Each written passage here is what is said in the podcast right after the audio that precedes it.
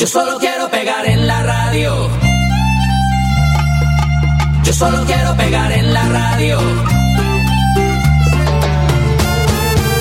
Republika Latina. Latynoski głos pod każdą strzechą.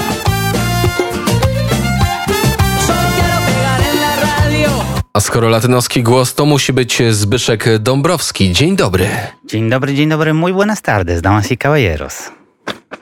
Moi buenas tardes. Słuchacze tego nie wiedzą, ale akurat rozmawiamy nie widząc się. Ja ze studia zewnętrznego Zbyszek Dąbrowski w studio przy krakowskim przedmieściu, więc zamieniamy się w słuch, co ciekawego, co ważnego dzieje się w Ameryce Łacińskiej. No dzisiaj, tak jak e, zapowiadałem to w, w zeszłym tygodniu, nie będzie powiedzmy całej Ameryki Łacińskiej, bo de facto takich jakichś, e, no nazwijmy to super nowych, szokujących wiadomości nie było, bo de facto można powiedzieć niechilnowi w Nikaragui e, Daniel Ortega aresztuje kolejnych opozycjonistów na przykład. E, No na Kubie de facto e, sytuacja wraca do starego porządku, nazwijmy to tak. A inne, a inne kraje no, żyją jak żyją. Natomiast e, dzisiaj chciałbym się skupić na e, pięknym kraju, e, bardzo bogatym kulturowo, bardzo bogatym gastronomicznie, być może najbardziej bogatym gastronomicznie, jeżeli chodzi o Amerykę Łacińską, czyli Peru. W ubiegłym tygodniu wspominałem Państwu, że Pedro Castillo, lewicowy kandydat, został już oficjalnie namaszczony na prezydenta. No i w dniu dzisiejszym Pedro Castillo rozpocznie swoje rządy właśnie w Peru. Jako kolejny prezydent, prezydent niepodległego Peru. E, Zresztą data dzisiejsza jest e, dosyć ważna nie tylko dla samego Pedro Castillo, ale i dla wszystkich e, Peruwianczyków. E, Otóż dzisiaj Peru obchodzi dwustulecie swojej niepodległości w roku 1821. Oficjalnie Peru zostało uznane jako wolny kraj. Oczywiście wcześniej e, walczyło o swoją wolność w wojnach e, wyzwoleńczych, e, no ale to temat na zupełnie, zupełnie inną audycję.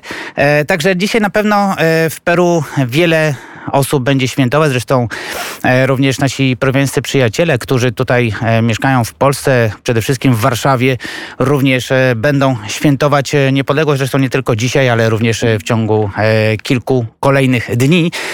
Ja skupię się na Pedro Castillo. Przypomnę Państwu, że Pedro Castillo wygrał w drugiej turze wyborów i ta różnica głosów nad jego kontrkandydatką, czyli nad prawicową kandydatką Keiko Fujimori była bardzo niewielka. To znaczy tutaj mówi się o około 44 tysiącach e, głosów. E, Keiko Fujimori przez bardzo, bardzo długi okres czasu nie chciała uznać e, Pedro Castillo, zwycięstwa Pedro Castillo. Mówiła o o oszustwach wyborczych. E, No, mm, powiedzmy sobie szczerze, do tych oszustw e, najprawdopodobniej nie doszło, a przynajmniej nie były to takie oszustwa e, na taką skalę, czy jakieś tam powiedzmy rozmaite matactwa, e, żeby móc uniemożliwić wybór, czy ogłoszenie wyboru Pedro Castillo prezydentem. Zresztą wybory prezydenckie w Peru, przypomnę, że zostały uznane przez chociażby Organizację Państw Amerykańskich, Organizację Narodów Zjednoczonych, Stany Zjednoczone Ameryki e, za wolne i demokratyczne i również przykładowe dla innych krajów e, Ameryki Łacińskiej. W związku z tym chyba jednak e, Pedro Castillo ma ten mandat. I ja bym chciał się skupić dzisiaj na tym, jakim prezydentem może być Pedro Castillo. Jak pamiętacie Państwo, kilka tygodni, czy może już miesięcy temu, bo sprawa wyborów prezydenckich e, na antenie Radia Wnet, e, mówię wyborów prezydenckich oczywiście w Peru. E, myślę, że to się rozpoczęła mniej więcej jakoś tak pod koniec e, ubiegłego roku, ile dobrze pamiętam, albo na początku tego. Pamiętacie Państwo, e, że e, Per, e, w Peru miały zmiany, e, miały miejsce zmiany na urzędzie prezydenckim.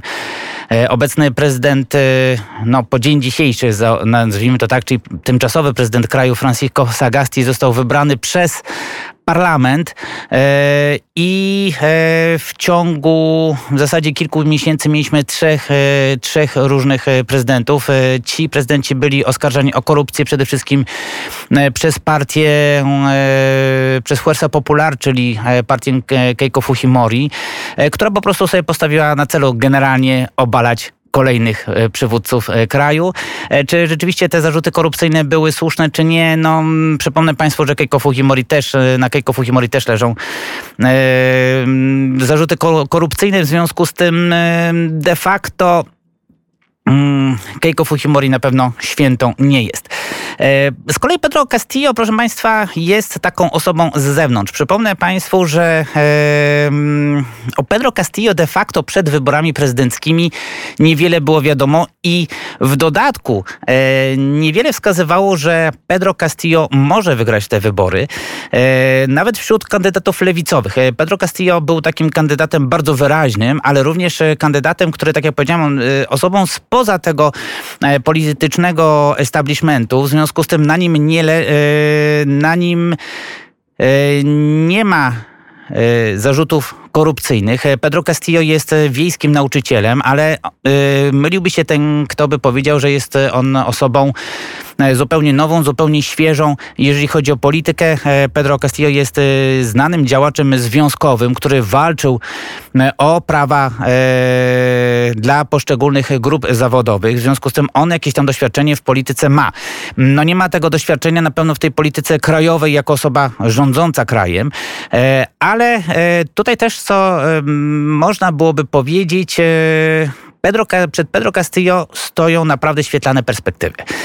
Dlaczego, dlaczego tak mówię? Mm, Przypomnę Państwu, że do całkiem niedawna Pedro Castillo uznawany był za takiego bardzo lewicowego, populistycznego e, kandydata. Takiego kandydata, no, który e, mówił, że e, ciawizm jest dobry, że kastryzm jest dobry, że należy iść drogą właśnie Hugo Chaveza, e, Evo Moralesa, e, mm, Daniela Ortegi i tak dalej, i tak dalej, czyli tych wszystkich e, lewicowo-populistycznych przywódców e, mm, Ameryki Łacińskiej. I tak e, mówił. Dlaczego? Dlatego, że jego politycznym e, mentorem jest e, niejaki Władimir Serron, który jest przywódcą partii Peru Libre.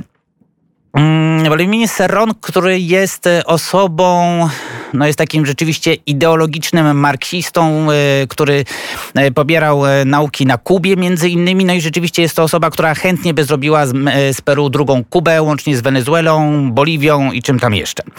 Na szczęście Władimir Serron Mówię na szczęście dla Peru i Peruwieńczyków Władimir Serron przesiaduje w areszcie, w związku z tym e, na razie rządzić nie może. Natomiast e, Pedro Castillo już w drugiej turze wyborów zaczął odcinać się od tych lewicowo-populistycznych korzeni. E, zaczął mówić, że rzeczywiście on jest e, kandydatem lewicowym, ale umiarkowanym. Nie, już nie, nie, nie gloryfikował ciawizmu, nie gloryfikował kastryzmu.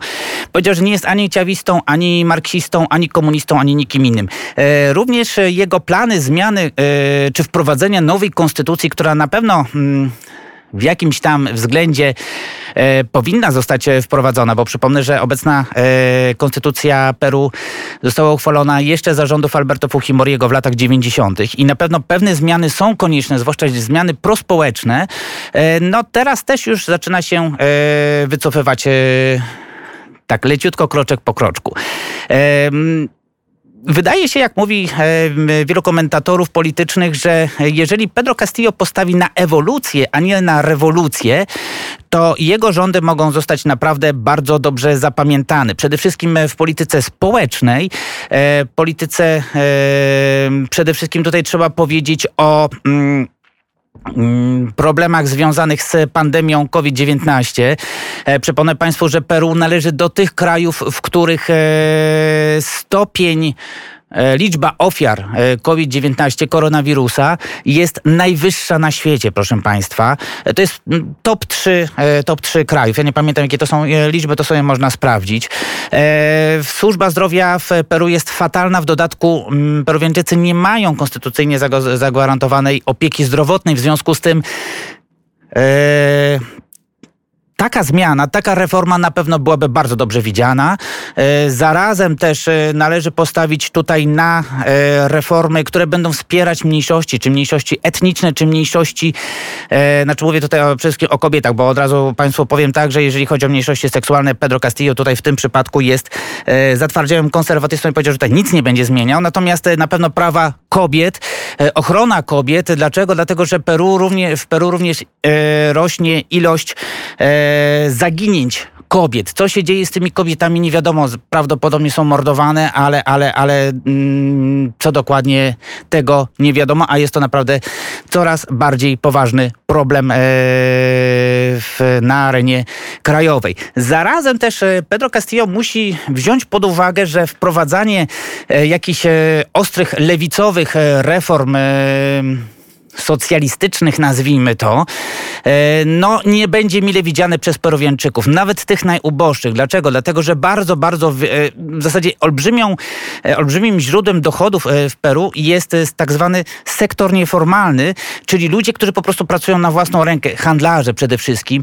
To są ludzie, którzy też popierali Keiko Fujimori, bo bali się właśnie Pedro Castillo. Jeżeli Pedro Castillo tutaj postawi na to, na ten sektor i nie będzie nic zmieniał, jego rządy na pewno zostaną dobrze zapamiętane. No i ostatnie zdanie, e, stosunki międzynarodowe. Pedro Castillo również ma szansę zapisać się jako negocjator pomiędzy Stanami Zjednoczonymi przede wszystkim, czyli tym prawicowym, powiedzmy, mm, proamerykańskim e, światem latynoamerykańskim, a jego głównymi wrogami, czyli Kubą, Wenezuelą, Nikaragłą. Również e, tutaj Anthony Blinken, sekretarz stanu, już zwrócił się właśnie o to do Pedro Castillo. Co przyniesie e, przyszłość, oczywiście zobaczymy. Dziękuję serdecznie Zbyszek Dąbrowski, Republika Latina. Dziękuję i do usłyszenia za tydzień również w środę. Wszystkiego dobrego.